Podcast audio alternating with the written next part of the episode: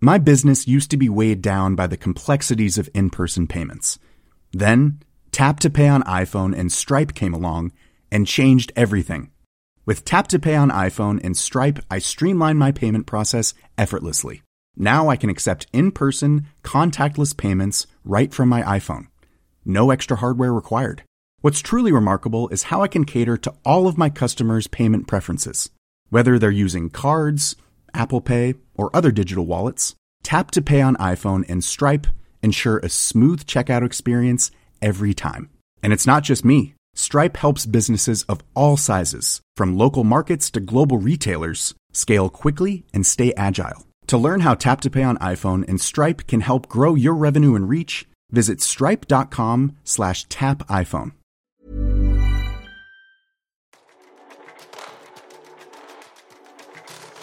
Hei og velkommen til Landsbetter Co., podkasten som tar pulsen på hvordan digitalisering og teknologi påvirker våre liv og næringsliv, og det er på godt og vondt. Denne episoden presenteres av Juvil. Juvil er en digital plattform for utleie av eiendom til film, TV og reklame. Registrer deg gratis nå på juvil.no. Det er da uveil.no. Det er ganske mye som skjer om dagen, og her er noen av de viktigste nyhetene siden sist. I en undersøkelse utført av Yahoo Finance så ble Meta, altså da det gamle Facebook, kåra til årets verste selskap i 2021. Meta fikk hele 50% av stemmene for eh, årets verste selskap, mens årets beste selskap ble Microsoft. Og speaking of Microsoft, så har vel alle fått med seg at selskapet bak Windows og Office og Xbox kjøpte opp eh, spillgiganten Activision Blizzard. Prislappen er på hele 69 milliarder dollar, drøyt 608 milliarder kroner med dagens kurs. Og ifølge CNBC så er det her den høyeste prisen et amerikansk teknologiselskap noensinne har brukt på et oppkjøp. Til sammenligning betalte f.eks. Microsoft litt over 26 milliarder dollar da de i 2016 kjøpte opp LinkedIn. Pandemien sjokkdigitaliserte oss nærmest over natten, kunne vi lese i 2020. Plutselig kunne Tobias på fem år og Torgny på 90 kjøre alt fra FaceTime til Teams, og det helt uten problemer. Tilsynelatende. To år senere viser det seg at svært mange fortsatt faktisk da sliter med å nyttiggjøre seg digital teknologi, og da i undervisningen. Noe av det mest oppsiktsvekkende som kommer frem i den nye rapporten fra Nordisk institutt for studier av innovasjon, forskning og utdanning, NIFU på kort, er at studentene heller ikke ser ut til å ha den tilstrekkelige kompetansen til å få full nytte av digitale pedagogiske verktøy. Og det til tross for at de unge studentene i dag er født og oppvokst med alt fra internett, smarttelefoner, sosiale medier, webkameraer og videoplattformer. Da hjelper det heller ikke at rapporten avdekker at det mangler en grunnleggende kultur og motivasjon blant de ansatte i utdanningsinstitusjonene for å ta i bruk digitale verktøy. Dette kan jo umulig love godt for fremtiden. Faktisk.no krever handling fra YouTube, for mens Facebook og Twitter har fått mye kritikk for sin rolle i spredning av alt fra løgner, konspirasjonsteorier og trakassering, så har YouTube stort sett sluppet unna søkelyset fra både politikere og ikke minst da pressen. Ifølge The International Fact-Checking Network, som faktisk.no er en del av, er YouTube imidlertid én av hovedkildene til feilinformasjon og desinformasjon om både covid-19 og andre temaer. YouTube lar hensynsløse aktører bruke plattformen til å manipulere og utnytte andre for egen vinning, skriver dem i et brev som er publisert på Pointer. Faktasjekkerne kommer med fire forslag til tiltak som de mener mener kan bedre situasjonen. De forslagene kan dere lese mer om på kom24.no, og lenke finner du som alltid på hanspetter.info.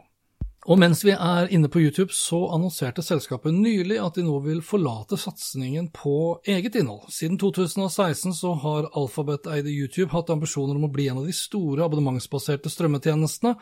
Den drømmen skrinlegges nå, for i et innlegg på sosiale medier så kunngjorde forretningssjef Robert Kinnicle at selskapet i all hovedsak legger ned satsingen, og det med en tilnærmet umiddelbar effekt. For kort tid siden publiserte Ipsos sin SoMe-tracker for Q4 2021, altså sin eh, sosiale medier-oversikt. Ingen store endringer hva gjelder hvilke sosiale medier som er størst målt etter antall personer over 18 år. Metas eh, Facebook er fortsatt størst, med 65% markedsandel, etterfulgt av Snapchat, Metas eh, Messenger, Metas Instagram, YouTube, TikTok og Metas WhatsApp. Derimot så er det viktig å påpeke at antall unge mellom 18 og 29 år som bruker Facebook daglig, stuper. Fra nærmere 90% i 2018 til knappe 50 ved utgangen av 2021.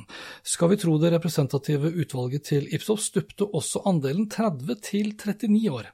Denne demografien har ligget forholdsvis jevnt et sted mellom 70 og 80 prosent i daglig bruk, men eh, under fjorårets siste kvartal stupte andelen fra hele 76 prosent i Q3 til 64 prosent i Q4 fire.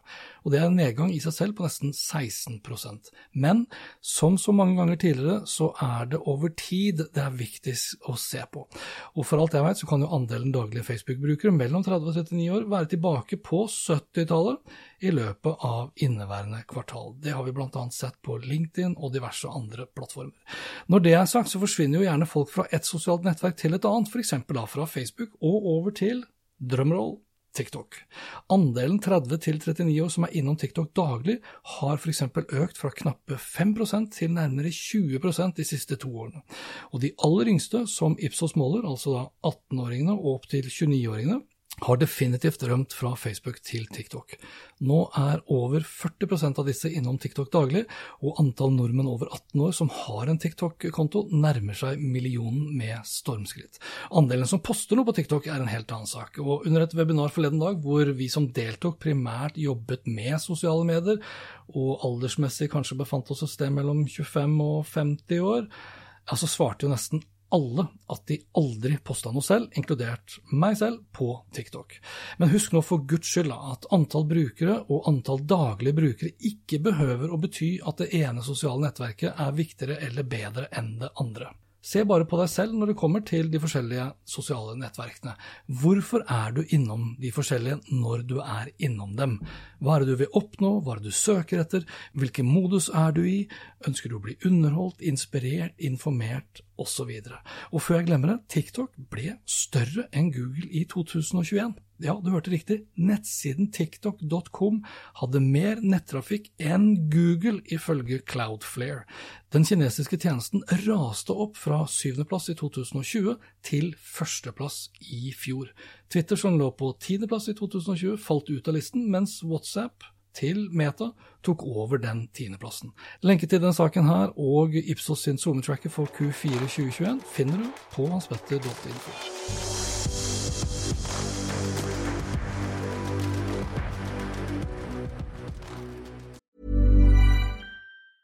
Hey, it's Danny Pellegrino from Everything Iconic.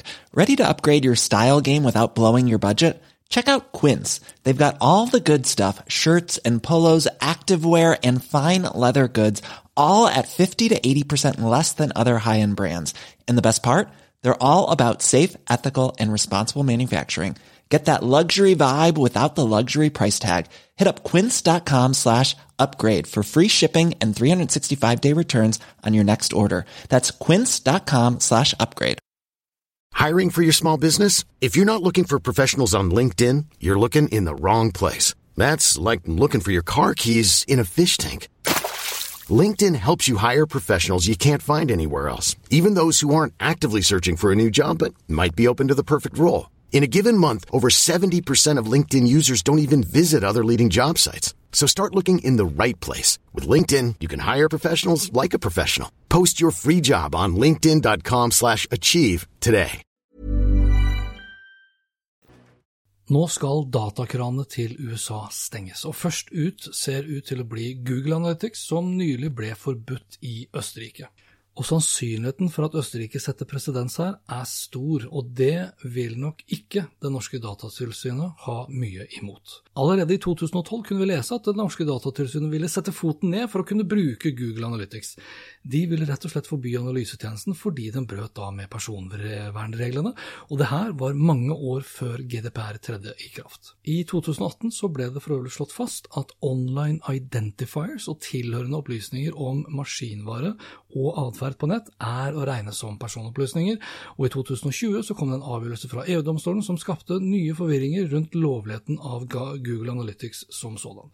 Nå har det østerrikske datatilsynet slått fast at Google Analytics er forbudt å bruke, og i den ferske begrunnelsen fra det østerrikske datatilsynet understrekes det at ID-nummeret som lagres av Google Analytics i en cookie, og brukes til å identifisere brukere som besøker et nettsted over tid, er å regne som en slik online identifier. Det er altså ikke bare IP-adressen det handler om, hvis du f.eks. har tenkt at det er godt nok så lenge den er anonymisert.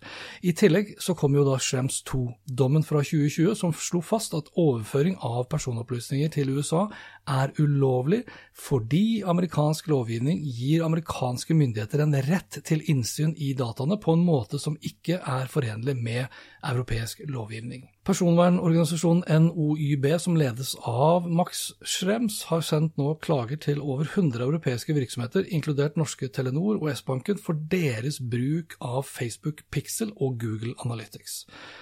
Og foruten Google Analytics og Facebook Pixel kan også andre amerikanske tjenester nå stå i fare for å bli erklært ulovlig av de samme grunnleggende prinsippene. I Sverige har f.eks. Stockholm kommune nå valgt å ikke lenger bruke Microsoft Office 365 fordi de frykter at Schrems 2-dommen vil gjøre skyversjonen av Office-pakken forbudt. Og da er det vel egentlig bare et tidsspørsmål da, før vi vil kunne se tilsvarende skjebne for Google Docs, Slack og et hav av andre skybaserte tjenester fra amerikanske selskaper, hvor det ikke foreligger nødvendig garanti for at personinformasjon fra EUs borgere ikke blir overført til USA.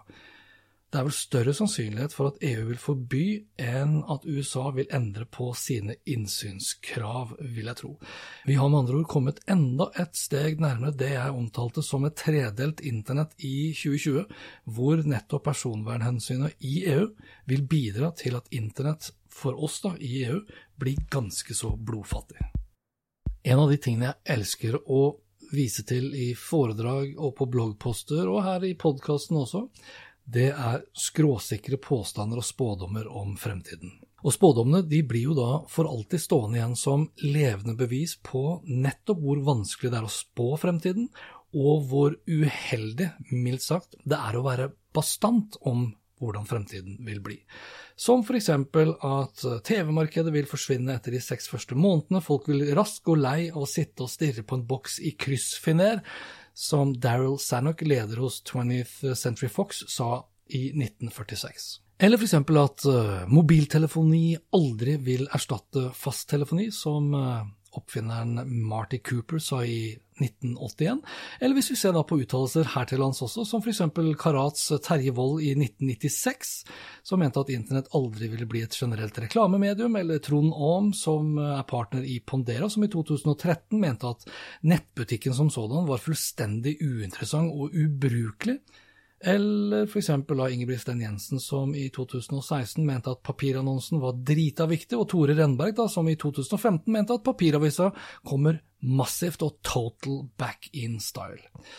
Eller hva da med den tidligere BI-lektoren og dagligvareeksperten Odd Gisholt, som i 2016 påstod at, og jeg siterer, dagligvarer på døra er ikke liv laga. Han sikta da spesielt til daværende Kolonial, som i dag heter Oda. Men så er det dette med fortid og fremtid og spådommer, da. For 19.1 i år så kunne vi lese at Oda økte omsetningen med en halv milliard kroner i 2021, fra rett under to milliarder i 2020 til nesten 2,5 milliarder året etter. I 2022 skal veksten fortsette, heter det da i en pressemelding. Et nytt megalager skal bygges, nytt hovedkontor skal være på plass, og den internasjonale ekspansjonen skal økes. Megalageret på Lier vil være på nærmere 20 000 kvadratmeter, og taket skal dekkes av solcellepaneler som skal produsere strøm til driften. Nå skal jo pandemien selvsagt ta sin del av æren for at mange av oss på rekordtid ble komfortable og nærmest avhengige av å få varer levert på døra, men det bortforklarer ikke Odas suksess og at dagligvare på døra var liv laga in the first place.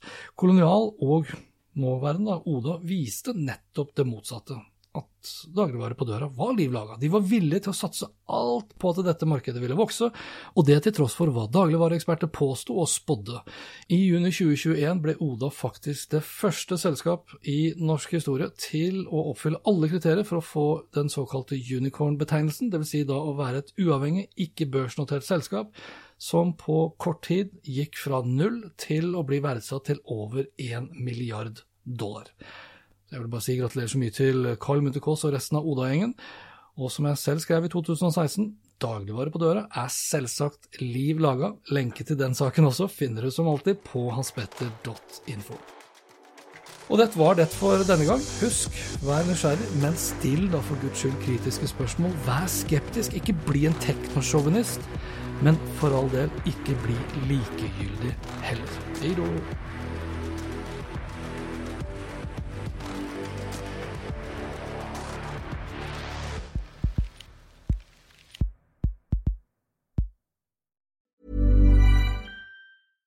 My business used to be weighed down by the complexities of in person payments. Then, Tap to Pay on iPhone and Stripe came along and changed everything.